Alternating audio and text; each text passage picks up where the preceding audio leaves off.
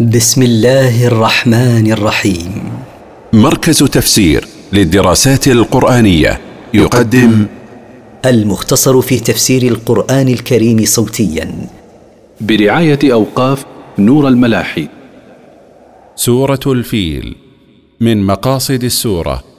بيان قدرة الله وبطشه بالكائدين لبيته المحرم. التفسير. ألم تر كيف فعل ربك بأصحاب الفيل؟ ألم تعلم أيها الرسول كيف فعل ربك بأبرهة وأصحابه أصحاب الفيل حين أرادوا هدم الكعبة؟ ألم يجعل كيدهم في تضليل؟ لقد جعل الله تدبيرهم السيء لهدمها في ضياع فما نالوا ما تمنوه من صرف الناس عن الكعبة وما نالوا منها شيئا.